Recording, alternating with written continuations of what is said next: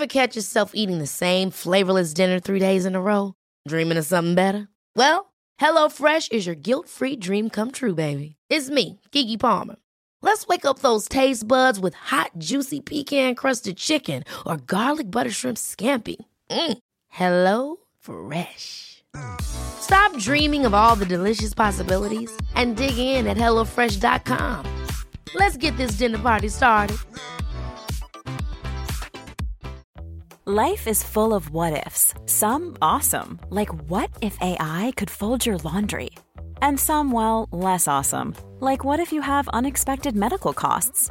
United Healthcare can help get you covered with Health Protector Guard fixed indemnity insurance plans. They supplement your primary plan to help you manage out of pocket costs. No deductibles, no enrollment periods, and especially no more what ifs. Visit uh1.com to find the Health Protector Guard plan for you.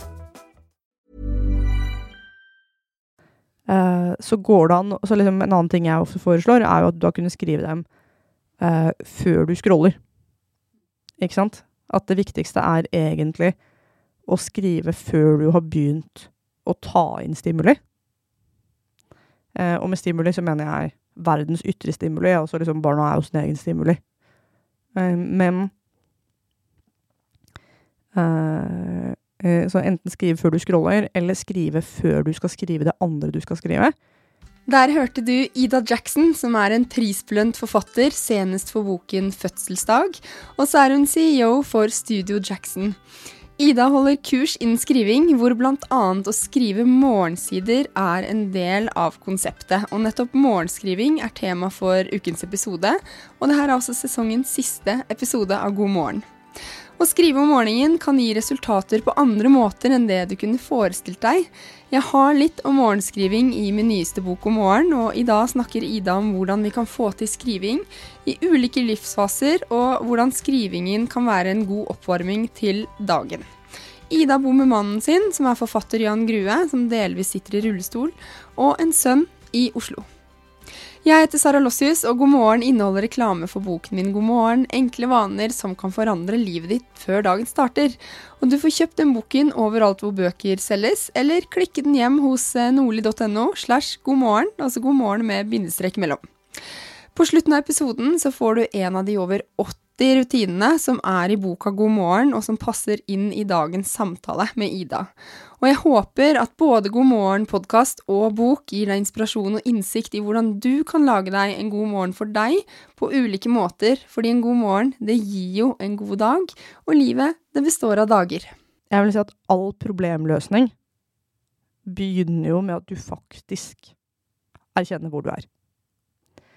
Eh, jeg skal ikke si liksom, tenk negativt nødvendigvis, men eh, det å ha en realistisk assessment av hvor du er, eh, det både reduserer stress, og det gjør det veldig, veldig mye lettere å løse problemer fortløpende. I denne episoden får du også gode tips om vaner, nyttige skrivetips og kanskje et dult bak til å gjøre noe du stadig utsetter. Ida hun er et av de mest produktive menneskene jeg vet om, og for henne legger bl.a. morgenkvisten grunnlaget for nettopp det. Så god lytt og god les og god morgen til deg.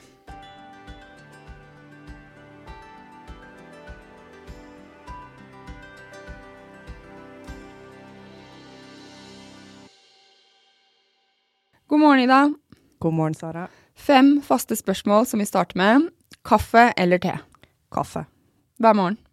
800% Jan og jeg har en rutine hvor jeg står opp. Eh, Ofte så står jeg opp før ham, men det øyeblikket han våkner, så lager jeg kaffe som jeg tar med tilbake igjen på senga, og så drikker vi kaffe på senga mens vi skriver. Oh, og det skal vi dykke ned i etterpå. Oh yes, men Mm. kaffe først. Sort kaffe, eller tar du den oppi? Eh, Jeg er på sort kaffekjøret, og så har jeg det siste halvåret nå lagt til en vane med sitronvann først. Så jeg starter med en halvliter sitronvann mens jeg lager kaffen. Mm. Eh, og det hjelper på dehydreringa. Eh, men jeg må innrømme at jeg motiverer meg til å drikke sitronvann så tidlig på morgenen fordi jeg skal få kaffe. Ja, det skjønner jeg. Men da stabler du, for du gjør jo noe samtidig med en annen. Og, og så har du kaffen som premie, så du bruker belønning òg. To vanetriks i én. 100% Men eh, ja, kan, hvis man har et samme forhold til kaffe som meg, så kan jeg ikke få anbefalt å stakke vaner rundt kaffen. Mm. Det er veldig motiverende. Snuse eller stå opp med en gang? Åh, jeg står opp med en gang. Men jeg er skikkelig, skikkelig A-menneske. Og det tror jeg jeg har vært siden jeg var en baby. Det har i hvert fall min mor skrevet om i babyboka si med litt sorg. Um, min manglende evne til å sove lenge om morgenen. Mm. Så uh, selv før jeg fikk barn, så var jo jeg på sånne yogatimer som begynte klokka halv sju. Nettopp. Uh, så jeg står opp med en gang. Og det er liksom Ja. Men uh, min særs produktive mann er jo liksom Har det jo egentlig best hvis han får sove til halv ni. Eh, så han sover lenge. Da er det, det er fint at vi kan være forskjellige. Croissant eller egg og bacon? Jeg, jeg skulle si ja takk, begge deler. Men Det er det er nok. det. Det, men det er nok Altså, det, det er egentlig Det er to mine favorittfrokoster, men det er nok egg og bacon oftere enn croissant. Det er det nok. Det var det jeg trodde. Morgenfugl eller nattugle, det veit vi nå. Du er morgenfugl. Men er du aldri nattugle? Nei, Nei. jeg har ingen eh, Jeg funker så dårlig. Egentlig fra klokka tre-fire på ettermiddagen så begynner det å være mindre liksom, sus i serken. Og eh, ja, jeg har gått fra å være noen som lider meg til å holde følge med de andre ute, til å være noen hvor noen sier ja, siden vi var invitert på fest hos dere i hermetegn, planla jeg en artig fest som jeg kunne gå på etterpå, når dere skal gå og sove. Det er vorspiel hos dere, og Ja. så går de videre til normale festtider. Ja.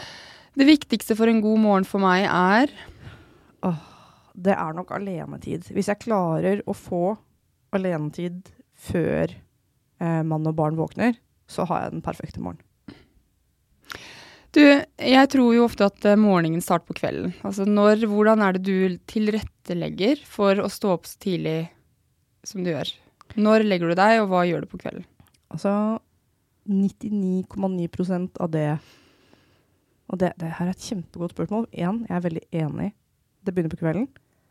Uh, jeg Altså, hvis jeg legger meg sent, uh, så legger jeg meg klokka ni. Uh, og så sover til Eller skrur av lyset sånn når det begynner å nærme seg ti. Men de vanene jeg har som er viktigst, er jo én aldri jobbe på kvelden. Uh, når jeg har holdt heksesirkel det siste halvåret nå, så har jeg hatt én kveldsjobbeting i uka. Og så har jeg vært sånn Det fucker vanen min så mye. Det er liksom den største distrupsjonen å ta den kveldsjobbinga. Og så sa hun, hun som har vært assistenten min gjennom det siste halvåret, hun sa men Ida, du sitter jo i det blålyset fra kamera til klokka halv ti på kvelden, liksom. Og jeg bare ja. Det er jo en ting. Så jeg har blue blocking glasses, det har jeg hatt veldig, veldig lenge. Så hvis jeg ser TV på kvelden, det er det ganske sjelden jeg gjør, men hvis jeg gjør det, eller er på skjerm på kvelden, så har jeg alltid sånn blålysbeskytter. Og så ja, prøver å jobbe minst mulig og eh, gjøre mest mulig sånn roe egget. Eh, men eh, det er ikke liksom Jeg har ikke én definert kveldsrutine. Men det er nok sånn at både Jan og jeg har Altså eh, vi, vi sier fra hverandre kanskje to-tre uker i forveien hvis en av oss har tenkt å være oppe til elleve. det er nok der, liksom. Eh, fordi det er bare Jeg får ikke lagt meg hvis han ikke har lagt seg, og han får ikke lagt seg hvis jeg ikke har lagt meg. Så det er sånn som vi, hvis, liksom det, det er kanskje den viktigste tingen. At sånn ja, Jeg beklager, men jeg kommer til å måtte være på en jobbting. Hvor jeg kommer til å være ikke komme hjem før elleve. Og da må du holde deg våken til elleve hvis han er det. Ja, eller på, på jeg kan jo prøve å sove, men jeg vet at jeg, jeg kommer ikke til å sovne. Nei, Ikke sant. Men jeg lurer også på ehm, Du har, eller dere, har ett barn. Også mannen din Jan sitter delvis i rullestol. Altså, Han bruker rullestol for å komme seg fra A til B. Han bruker ikke rullestolen inne. Nei. Men er det noen, er det noen ekstra hensyn dere må ta som ikke vi normale kropper må ta? Altså, det er jo sånn at jeg pleier Kan å jeg si normale kropper, forresten? Altså, jeg, jeg, jeg tror at de holdt på å si eh, de, de fleste ligner mer på oss enn de tror. Særlig hvis du har barn sjøl, eller liksom bare eh, så, men, men la meg dele mitt perspektiv, da. Fordi eh, Jan sover jo veldig mye. Og det er jo fordi at han når han, altså Hvis du tenker at liksom hovedforskjellen på å være funksjonshemma og ikke være funksjonshemma er eh, hvor hard fysisk innsats hver oppgave i dagliglivet er. Så selv om vi på en måte har det mer tilrettelagt og mer praktisk enn de fleste, så er det jo fortsatt sånn Jan hadde en artikkel i The Guardian hvor han skrev om tiden og kreftene han bruker på å åpne barnehageporten, mens han ser på folk som bare kommer og åpner den all willy-nilly uten å tenke seg om. Og så er det sånn at de fleste som hører på nå, som er i forhold med en eh, holdt på å si, en mann som er litt større enn dem, har, nok, har jo den opplevelsen hele tiden. Sånn jo, jo, jeg kan klippe gresset, men det er mye mindre slitsomt for Thor å klippe gresset, fordi liksom, den er designet for hans kropp, og liksom, han er sterkere enn meg uansett hva jeg gjør.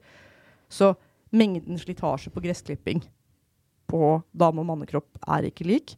Og på samme måten så er det sånn at eh, hvor sliten Jan ble av ting eh, som andre bare gjør uten å tenke seg om, er også ganske sterk. Mm. Så den tingen som jeg sa til Jan ganske tidlig i forholdet, at liksom, du sover jo som en toppidrettsutøver. Ikke sant? Du har utrolig mye eh, mye større søvnbehov, på samme måte som folk som trener veldig hardt når de perser seg, trenger å sove mer. Så eh, når jeg sier at vi er strenge på det med søvn, så er jo det også bare fordi det er X-faktoren. Mm. Ikke sant? At liksom eh, Det hjelper ikke hvis du spiser fantastisk og trener utrolig, utrolig mye og sover veldig dårlig. Eh, da blir du fortsatt sjuk og sliten, liksom. Så den viktigste hensynet vi tar, er å beskytte søvn. Og så skal jeg snakke med deg om morgenskriving i dag. Ja. Ja, fordi jeg vet at uh, du skriver hver morgen tre sider. Og så lurer jeg på hvordan du gjør det, og, og hva det gjør med deg. Ja, Så for meg så er morgensidene, som jeg kaller den, den teknikk som jeg lærte eh, fra Julia Cameron da jeg leste boka hennes første gang i 2015. Og da så ga det sånt lys opp for meg, fordi jeg er jo forfatter, ikke sant? Men det som er dumt med å være forfatter, sammenlignet med de fleste andre kunstneriske tradisjoner, er at forfattere har veldig dårlige vaner og veldig rart forhold til eget verktøy. For hvis du f.eks. har lært å spille cello, så vet du at du må stemme celloen, du må varme opp, du må øve. Eh, du må kanskje gjøre noen sånn fingerøvelser. Eh, masse liksom, på en måte vaner du har knytta til å pakke celloen opp og pakke celloen ned. Mens når det kommer til skriving, så har vi liksom en idé om at teksten skal komme fra et magisk sted, og at det å skrive er omtrent det samme som å tenke. Så hvis du tenker veldig mye på skriving, så skriver du på en måte. Og alt dette her henger liksom sammen med tanken om at når du er i noens tekst, så er du i noens sjel. Mens jeg tenker at teksten vår er en god blanding mellom liksom et håndverksprodukt og et kroppslig avfallsprodukt, eh, på godt og på vondt. da. Så eh, det å lage vaner som er nærmere det f.eks. musikere har, har vært helt sånn banebrytende i mitt forfatterskap. Og steg én er jo da å skrive hver dag. Og morgensider er oppvarmingsskriving. Så det er friskrift hvor du eh, holdt på å si ikke skal vise teksten til noen, og ikke skal bruke den til noe. Og det finnes ikke egentlig noen regler for hva du kan eller ikke skal skrive, annet enn at du skal bare skrive non stop. Og at det kan være litt sånn jeg vet ikke hva jeg skal skrive, føler meg helt tom og helt dust. Tenke litt på det jeg drømte i natt, hadde en rar drøm om at jeg fikk plutselig veldig mange følgere på Instagram, og så var jeg naken, veldig rart. Ikke sant? Du liksom bare tømmer hjernen. Mm.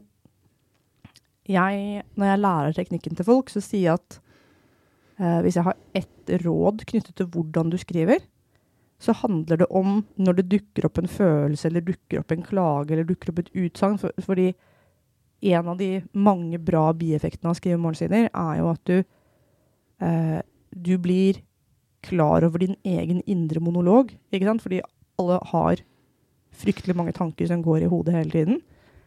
Og veldig ofte så er vi ikke klar over dem, eller så bare dytter vi dem unna. Men når du skriver morgensider, så ser du dem eh, på, på svart på hvitt. Og det jeg da pleier å gjøre, eller har som tips, da, er at når du ser dem, eh, så er det det å tenke at du zoomer inn på dem, eller konkretiserer dem.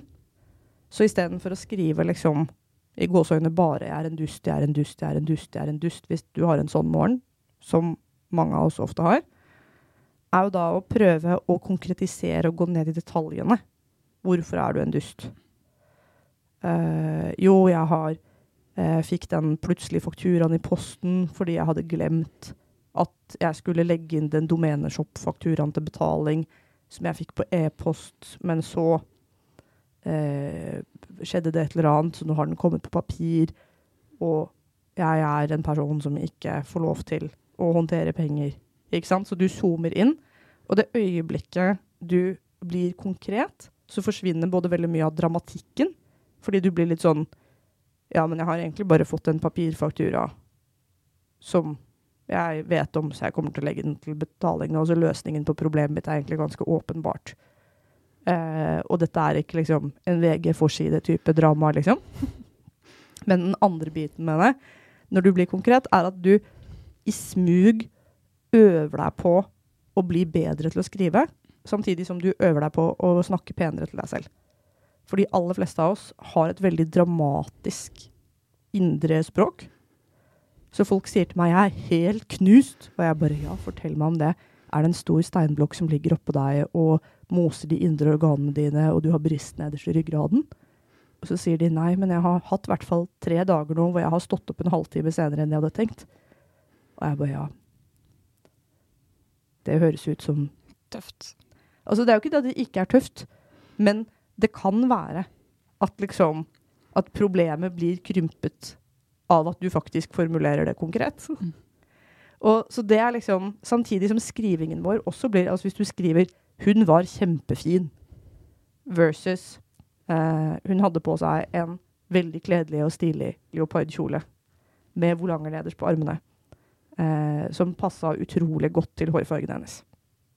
Nå gir jeg komplimenter til Sara samtidig som jeg leser den her. Dere kan ikke se Sara, for vi er på lyd. Men, Jeg ble veldig glad. ja. Eh, men, men det er tingen, er at eh, i, i det konkrete og detaljerte Så, så det, er liksom, det er mitt eneste råd. Det er ikke at du alltid må være konkret og detaljert i morgensidene, men da får du liksom gjort to ting på en gang. Du får både eh, håndtert dine egne følelser bedre, og du ser tydeligere hva du kan gjøre for å fikse på ting i livet ditt. Men du blir også bedre til å skrive.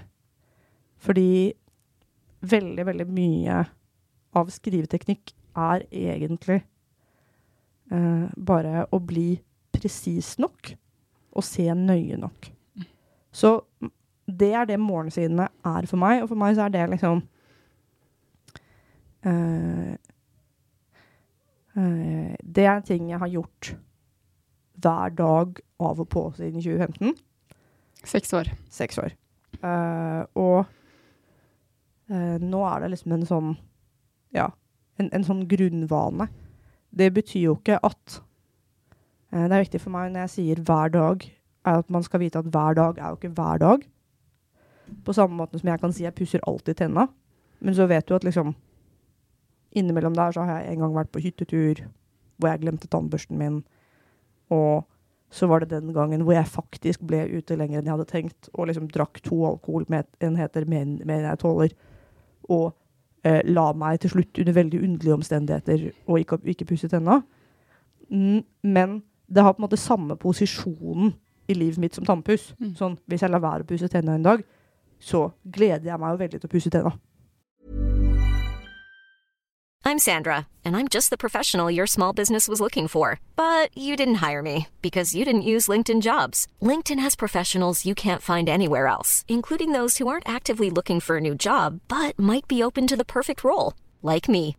In a given month, over 70% of LinkedIn users don't visit other leading job sites. So if you're not looking on LinkedIn, you'll miss out on great candidates like Sandra. Start hiring professionals like a professional. Post your free job on linkedin.com/people today. Hold up. What was that? Boring. No flavor. That was as bad as those leftovers you ate all week. Kiki Palmer here, and it's time to say hello to something fresh and guilt-free. Hello Fresh. Jazz up dinner with pecan-crusted chicken or garlic butter shrimp scampi. Now that's music to my mouth. Hello Fresh. Let's get this dinner party started. Discover all the delicious possibilities at hellofresh.com.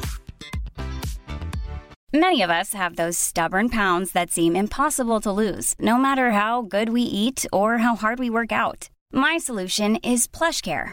PlushCare is a leading telehealth provider with doctors who are there for you day and night to partner with you in your weight loss journey. They can prescribe FDA-approved weight loss medications like Wagovi and Zepbound for those who qualify. Plus, they accept most insurance plans. To get started, visit plushcare.com slash weight loss. That's plushcare.com slash weight loss. One size fits all seems like a good idea for clothes until you try them on. Same goes for healthcare. That's why United Healthcare offers flexible, budget friendly coverage for medical, vision, dental, and more. Learn more at uh1.com. Men er det sånn eh, For det, det, er jo ikke alle som lytter som er forfattere, men jeg tenker jo at veldig, veldig, veldig mange av oss driver jo med skriftlig kommunikasjon. Så det er jo Vil du si at det eh, morgenskriving Det er det ene spørsmålet mitt. Eh, er for de som ikke skal skrive bøker òg? Ja, 100% Og Julia Cameron, som underviser denne teknikken, mener jo at morgenskriving er eh, meditasjon for de av oss som har såpass mye maur i rumpa at det å meditere en halvtime føles veldig uoverkommelig. Eh, fordi du lytter til dine egen, egne indre tanker, og du blir kjent med dem. Og på samme måten som du under meditasjonen kan se tankene mine kommer og går, følelsene mine er ikke så permanente som jeg trodde, så er det den samme tingen du kan se når du skriver dem ut. Ja, Man ser at visse ting kanskje gjentar seg, f.eks.? Jeg vil si at uh, skriver du morgensider i seks uker, så kommer du til å se at du er en repeat-boks. Uh, at du har både liksom at hjernen din har noen greatest hits som den alltid prøver seg på. Uh, så det er ikke liksom som du på en måte sier nye stygge ting til deg selv. Du sier de sju stygge tingene du alltid har sagt til deg selv. Og nå skjønner du plutselig kanskje både hvor de kommer fra, og de mister grepet, liksom. Den andre tingen du vil se at gjentar seg, er at eh, de tingene du prokrastinerer og kommer tilbake til og kommer tilbake til, blir plutselig veldig tydelig svart på hvitt. Sånn OK, ja, det ser dessverre ut eh, som at jeg må ta tak i dette. Så jeg pleier å si på mine kurs så pleier folk å melde seg på for å bli bedre til å skrive. Og så viste det seg at de egentlig skulle ta lappen. eh, og liksom eh, fikse det problemet med takrenna. Og veldig mange andre ting eh, som ingen har lyst til å melde seg på et kurs for å fikse takrenna, liksom. Men det viste seg å være det, liksom, det som kom opp i morgensidene igjen og igjen. Men da vil jeg tenke at det reduserer stress òg, da. Fordi når du ser at den, eh, den um, Å fikse det Altså hvis det er oppe for fjerde uke på rad, og hvis det skaper stress, da må man bare gjøre det. Ja. Nei, jeg, jeg, vil, jeg vil si det liksom Det demper stress masse. Og så er det også en sånn jeg vil si at all problemløsning begynner jo med at du faktisk erkjenner hvor du er.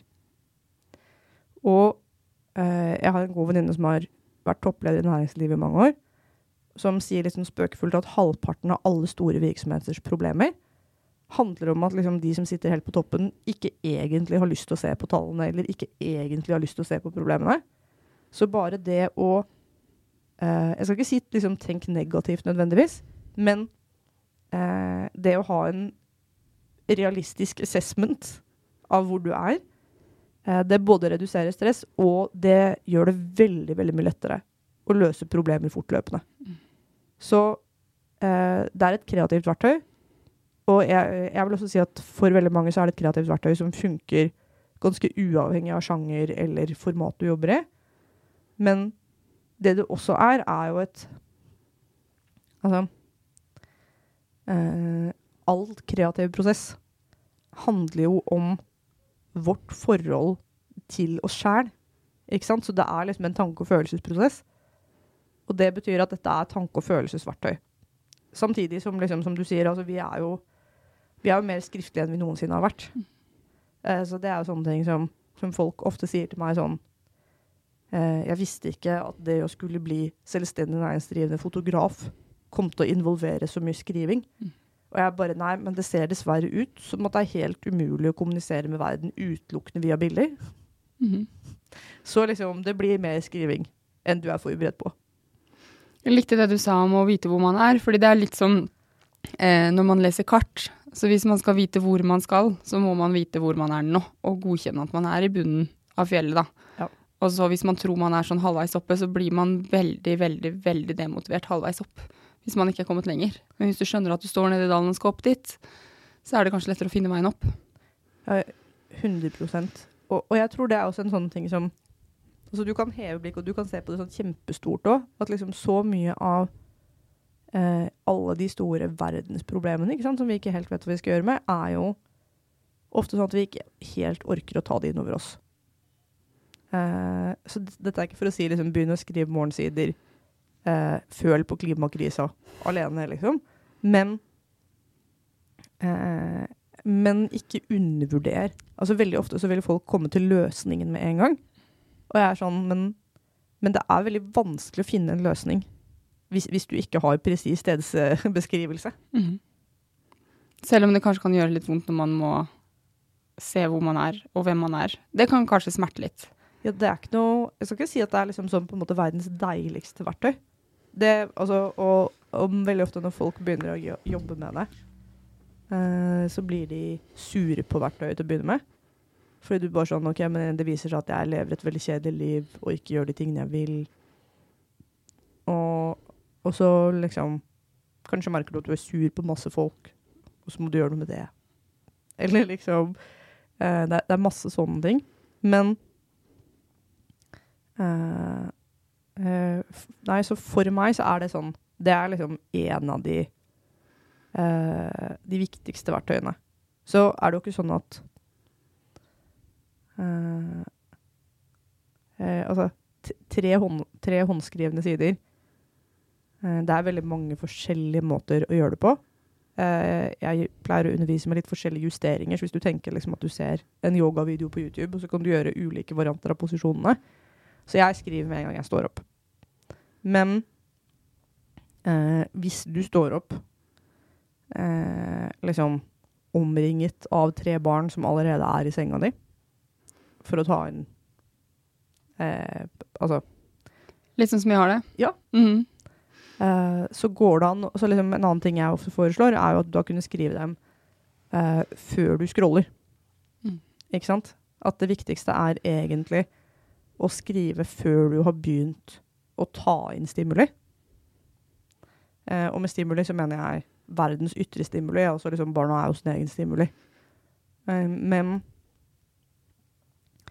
eh, eh, Så enten skrive før du scroller, eller skrive før du skal skrive det andre du skal skrive.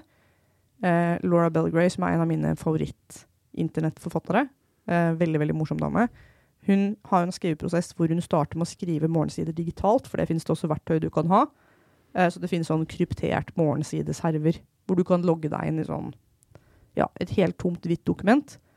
Og så har den regnet ut ca. hvor mange tegn som er ca. tre sider på i notatbok. Mm, så da er hun sånn, nå skal jeg skrive, så da skriver hun bam, bam, bam. Dem for å varme opp, og så skriver hun det andre hun skal skrive. Eh, så du kan også bruke dette som verktøy eh, for å varme opp når du skal skrive en annen type tekst. Det er litt som å varme opp stemmen da, før man skal holde et foredrag. Eh, eller før du skal trene, liksom. Ja. At det er en sånn, så du kan bruke det som oppvarming. Hvis du er en veldig, veldig veldig morgentrøtt person, så kjenner jeg masse folk som skriver det her på kvelden for å roe hodet før de går og legger seg. At de rett og slett, jf. det du snakker med om å starte kvelden bra, så bruker de det til å liksom tømme hodet før de skal sove, og få all nervøsiteten og stressen ned. Eh, så det går an. Og så er det jo sånn at jeg har også i perioder hvor Altså Julia Cameron var jo, som har laget dette verktøyet, var jo alenemor, så hun har også noen sånne alenemorjusteringer. Mhm. Hvor hun sier liksom steg én Husk at påbegynte morgensider du blir avbrutt i veldig plutselig, også tels. Den er deilig for mange. Den er veldig deilig. Mm. Eh, og den har jeg benyttet meg av senest i dag, siden eh, sønnen min er hjemme. Sånn eh, liksom Avbrutte sider tels fortsatt. Og eh, det går også an, hvis du skal starte opp med å bygge denne vanen opp fra, liksom, fra scratch, å starte i en veldig liten notatbok. Og du kan Sånn at man ikke har den største plakatstørrelse, men en liten en, for da tar det jo lenger, nei, kortere tid. Da tar det kortere tid. Nettopp. Eh, og så er det sånn at eh, hvis du er på det stedet eh, Enten hvor du liksom For en annen måte, justering er jo at selv om jeg er veldig håndskriftens entusiast, fordi liksom det er ikke noen distraksjoner i notatboka di, eh, og jeg merker at for meg så er det veldig deilig med den sånn taktile eh, Bare gjøre én ting-type tingen så er det sånn at folks håndledd er veldig liksom Håndleddstyrke og gripestyrke er veldig ujevnt fordelt. Så liksom eh, Mannen skriver veldig ofte sine på en remarkable tablet, ikke sant? Hvor du liksom som på en måte er som en notatbok, eh, men digital. Mm. Eh, hvor han på en måte da Hvor det blir litt mindre motstand på pennen. Det liker han. Eller at du sa, som sagt, at det finnes verktøy for at du kan skrive dette digitalt også. Eh, eller hvis du er det jeg gjorde når jeg var på liksom På mitt sånn mest slitne mammasted, og tenke at OK, når jeg ligger i mørket og ammer klokka 05, og målet mitt er å amme lengst mulig på morgenen, slik at denne morgenen ikke må bli en trilletur Jeg bare ser på fjeset ditt at du har hatt denne morgenen. Ja da. Nei, ja. Eh, eh, da var jeg sånn jeg bare, OK, men nå skal jeg høre på en meditasjonsapp og tenke at denne meditasjonen er mine morgensider. Og at de to tingene kan byttes ut. Og at de om tiden i livet hvor eh, det føles helt umulig å finne fram notatboka, fordi du bare liksom ikke kommer til å skru på lyset og prøve å løsne på denne babyen. Eller halvannetåringen eller toåringen eller hvem nå enn Mm. som står opp klokka 04.35. Um, når det føles uoverkommelig, så er du mest sannsynlig på et sted hvor det går an å meditere. Hvis du bare hopper over de bitene i meditasjonsscriptet, hvis du laster ned kam, og de bare sånn Sitt i en fin upright position. Jeg bare dop. Mm. Uh, uh, og det er også da mitt råd fra min favorittyogalærer, som sier at uh, hvis, du sov hvis du som mor sovner under meditasjonen, så skal du alltid tenke at liksom en, en mislykket meditasjon er en vellykket dupp. En, mislykket dupp er en vellykket meditasjon. Nettopp.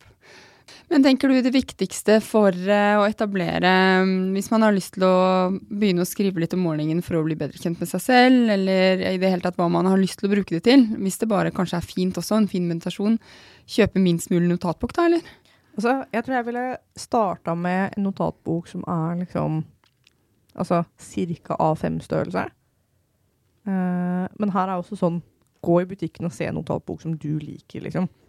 Og så, altså for den saks skyld, ikke overtenkt det. Jeg har i perioder bare skrevet på kopiark, eller det jeg har. Ja. Eh, at liksom eh, det, viktigste er egentlig bare å begynne. Og så ville jeg tenkt som at eh, Sånn som du sa det med stabling. Altså tenk på Altså tenk mindre på hvilket verktøy du skal bruke. Sånn på en måte Du kan skrive dette på liksom den, det arket du har hjemme med Big Pen, liksom. Det går bra. Men eh, te, bruk litt tid på å planlegge hvor i morgenen din Mm. du gir det plass. Eh, for det er liksom en sånn eh, Veldig mye når jeg har snakket og liksom coachet folk på, på hvor skal de få det til, så kan folk være litt sånn Ja, men liksom hele min morgen er bananas apeshit på vei til barnehageskole. Og så er jeg sånn, jeg bare, ja, men hvordan starter du arbeidsdagen? Hva er det du gjør? For du har jo en ny start Mm. når barna er i barnehagen og liksom er ute av bilen, liksom. Hun bare, det er sant. Det er veldig ofte da jeg begynner å se på e-posten. Så er jeg sånn, jeg bare, ja, men da har du en luke. Så hva skal du gjøre før du begynner på e-posten? Hun bare, nei, det er interessant. Jeg har liksom tenkt at jeg er nødt til å gjøre det. Og jeg bare, ja, men det er jo ikke som sjefen din liksom kommer til å se eh, liksom halv ni til, til, ni, liksom. Altså, hva, hva kan du gjøre da? Og hun bare, det, det er kanskje, der, der finnes det en luke, ikke sant? Så du på en måte, du må gå i en sånn tenke på liksom hvilken um, Jeg er veldig opptatt av liksom forholdet mellom det, det syntetiske og det organiske vannet vårt, da. At hvis du ammer en halvannetåring som er en gal oter, så er det veldig, veldig organisk. Ikke sant? Altså, det finnes masse tråder på internett med bare hvordan endre liksom søvnmønster, ammemønster. Jeg bare, ja, men det er en svær jobb. Eh, syntetiske ting, som mitt forhold til e-post. Der kan du fikse veldig, veldig masse. Uten å gjøre så veldig stor innsats. Mm. Fordi liksom eh, Mest sannsynlig eh, Altså eh, Altså Mest sannsynlig så sitter ikke sjefen din og følger med på minuttet når du ser på den første mailen. Eh, Bør i hvert fall ikke det. Eh, Bør i hvert fall ikke det, men liksom Og da er jo det en interessant samtale å ha, men eh, erfaringsmessig sett, så liksom der er det mer å hente. Hvis man rett og slett går inn og analyserer morgenen sin, og ser litt hva man bruker tid på, så kan man finne litt tid. Ja, og så tror jeg på en måte istedenfor å tenke at du skal liksom, En ting er finne tid, men finne på en måte hvilke ting er skikkelig mye jobb å endre på, Mm. og hvilke ting er egentlig ting jeg bare bestemmer sjøl. Eh, for det er litt sånn Altså hvis du, hvis du som hører på det her, f.eks. har en bondegård, da, så kan vi snakke om morgenrutiner mye vi vil, og du bare 'Det er flott, men jeg har ku'. Ja. Eh, og det er bare Du kan ikke liksom Det er begrenset hva du får gjort med den kua når kua har behov. Men Og det er liksom samme hvor du på en måte sånn OK, ja, men jeg jobber i hjemmesykepleien, så jeg må kjøre dit. Eh, og jeg skal være hos Olga åtte sharp. Jeg bare, ja, Det får du ikke gjort noe med. ikke sant? Det er veldig organisk. Det er på en måte Det er Det ligger fast. Men eh, hva du gjør i bilen, ligger ikke nødvendigvis fast. Mm. Eller eh, hva du gjør i lunsjen, ligger ikke nødvendigvis fast. Så det å på en måte se på liksom sånn, hvilke av disse tingene kan du bevege på, hva kan du ikke. Eh, så det er sånn at Jan og jeg har jo Når du spør på en måte, hva gjør vi annerledes, jeg bare vel altså realiteten at vi har orget oss arbeidsliv hvor han kan jobbe veldig mye fra senga. Og ta veldig mye lurer, liksom. Eh, for det hjelper masse. På bare på på det å være sliten. Eh, og så er det sånn, ja, mange av oss har ikke jobber hvor vi kan ta en lur. Eh, samtidig som liksom mange av oss har jobber hvor du egentlig kan ta en lur. At liksom det å på en måte stille deg spørsmålet er det er dette liksom en sosial normforventning? At jeg har en veldig sterk fortelling inni meg om hvordan en arbeidsdag ser ut, og en voksen person burde oppføre seg? Uh, versus liksom uh, Er dette uh, liksom naturens gang og umulig å gjøre noe med? For det er liksom sånn Jeg føler at veldig mye foreldrekultur handler om å eh, å drømme om magiske atferdsendringen hos små barn. Som Det er jo ikke det at man liksom ikke kan få dem til å forandre seg litt, men det ser ut som på verdensbasis som halvannenåringer har vært omtrent de samme de siste 10 000 åra. Eh, og det er liksom Altså tøff løkk, liksom. På samme måten som liksom, det ser ut som at vekstvilkår for planter er ganske like. Det er veldig vanskelig å dyrke dem i mørket, vi må ha veldig spesielt lys. Det er liksom no, noen ting bare Det får du ikke gjort noe med. Men eh, hva du gjør på Slack, på din jobb, er helt 100 menneskeskapt, og det er veldig mye som er eh, mulig å endre på.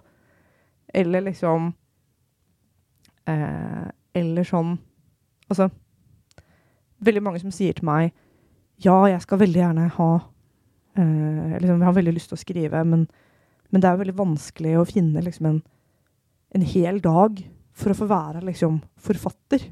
Og jeg bare Ja, men det har jeg egentlig aldri hatt. Kjenner liksom Det er nesten umulig å få til. Det er ikke det at det liksom Men altså, du kan jo finne 45 minutter, kanskje, eller liksom tre 15 minutters pauser. Det, det kan det være du har i løpet av dagen din, faktisk. Så liksom gjøre et eller annet. Kanskje du kan finne tre kvarter hver dag. Mulig.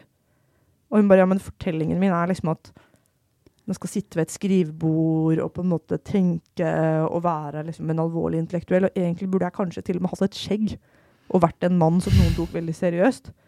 Ikke liksom noen som Altså, Kristin Storusten, poeten, skrev jo barseldiktsamlingen sin på mobilen mens babyen skrek, mens hun var ute og gikk eh, stressa turer, liksom. Og så er jeg sånn jeg bare eh, Det er jo mer en liksom Mest sannsynlig har du tid til å skrive en SMS, så har du egentlig mulighet til å skrive et dikt. Det er bare at liksom fortellingen din om hvor du skal være Mm. når det diktet blir til, eh, er så annerledes enn det du tenker at liksom, jeg fikk sendt en SMS til Katrine innimellom her. Mm. Eh, så den sånn eh, Og det tror jeg også på en måte at, at vi er også veldig sterke. Jeg kan, liksom, jeg kan slåss med det samme på fortellingen min om trening. Sånn, ja, men jeg burde jo være noen som kan løpe en halvannen times tur. Jeg har fortsatt minner om den sånn eh, Min perfekte løpetur, som jeg løp i California i 2014. Og jeg løp 16 km langs Stillehavet i perfekt vind og nydelig sol, men ikke for varmt. Og hadde virkelig sånn Altså, ja. Altså, det, det var tidenes løpetur. Men, men, det betyr jo på en måte at når jeg tenker på den løpeturen, og så liksom tenker jeg på hvordan det var å begynne å trene igjen etter fødselen, jeg bare Hvis jeg blir for opptatt av at, hvis, at det er sånn løpeturen min skal være, mm. da blir det ingen løpetur. Eh, da blir det, det aldri bra, da. Det, ikke bare blir det aldri bra, men det er nok sånn at liksom Det tar en stund før du kommer til den livsfasen igjen hvor du liksom skal løpe mer enn en mil. Mm. Eller mer enn et par kilometer. Ja, men liksom den sånn, si sånn. Men, men, men, den sånn, særlig den sånn på en måte ti pluss er en bestemt type liksom, privilegium på tid og kropp. Mm. Du Ida, vi må runde av. Um, rett og slett bare takk for å gi oss en god morgen. Og så tenker jeg at kanskje man skriver litt etter der. Tror du ikke det? Ja, det tror jeg. Ja. Og så holdt jeg på å si eh, Prøv, prøv morgensider. Eller prøv en justering av morgensider. Mm. Og ja, nei. Kom og finn meg på internett. Jeg gleder meg til å se deg. Fortell meg om hvordan det gikk. Takk, Ida. Tusen takk til Ida Jackson for å dele klokt om skriving og vaner og livet generelt. Og Ida finner du på nett, Ida Jackson, og på Instagram, Ida Jackson skriver. Og denne God morgen-episoden er altså sesongens siste. Og har du innspill til gjester eller spørsmål du vil at jeg skal stille i neste sesong, så DM meg på Instagram, Sara Lossius. Jeg blir veldig, veldig glad for innspill. Og i stedet for en rutine, så deler jeg en faktaboks fra boken i dag. I tillegg til 80 morgenrutiner så inneholder God morgen-boken refleksjonsoppgaver, inspirasjon og faktabokser. Og denne faktaboksen er fra introkapitlet, som heter God morgen, god dag. Å lage nye morgenrutiner handler om å innarbeide nye vaner. Korte rutiner er enklere å gjennomføre og opprettholde, og derfor tar alle rutinene i denne boken mellom 0 og 30 minutter, tilpasset akkurat din livssituasjon. En vane er en automatisk handling du gjør igjen og igjen. Det kan både være bevisst, som å pusse tenner, og ubevisst, som å dra hånden gjennom håret hvis du er nervøs. Og når du lager deg en ny vane, vil du i begynnelsen merke at det krever en del mental kapasitet. Etter en kort stund så vil du likevel oppleve at den begynner å bli en naturlig del av hverdagen din. Men akkurat som med kondisjon er vaner ferskvare. Det er viktig å fortsette selv når du føler at du har dem under huden. Dessuten feiler alle, og skjer det med deg, så bruk det til din fordel og lær av det. Og ikke glem å gi deg selv små belønninger i starten. Det kan være et klapp på skulderen, en ny veske, noen fine ord du sier høyt til deg selv, eller å sette av penger på en konto. På den måten holder du motivasjonen din oppe over tid, slik at du fortsetter med de gode vanene du allerede har etablert. Så lykke til med å etablere gode morgenvaner for deg selv, og så høres vi igjen i neste sesong. Tusen takk for at du har fulgt med så langt. Ha det!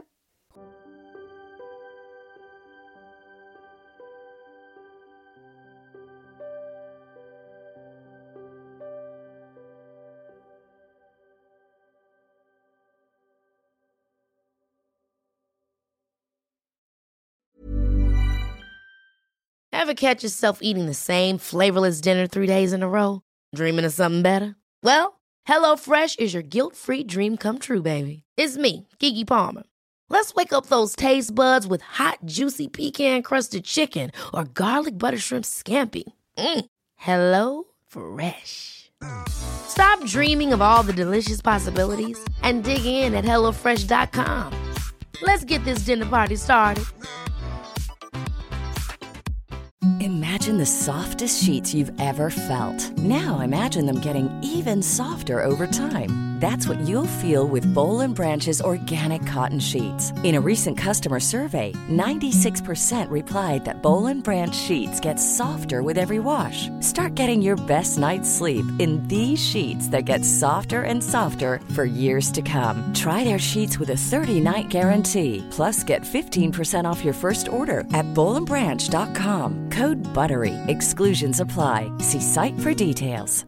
Mom deserves the best, and there's no better place to shop for Mother's Day than Whole Foods Market. They're your destination for unbeatable savings, from premium gifts to show-stopping flowers and irresistible desserts. Start by saving 33% with Prime on all body care and candles. Then get a 15-stem bunch of tulips for just $9.99 each with Prime. Round out Mom's menu with festive rosé, irresistible berry chantilly cake, and more special treats. Come celebrate Mother's Day at Whole Foods Market.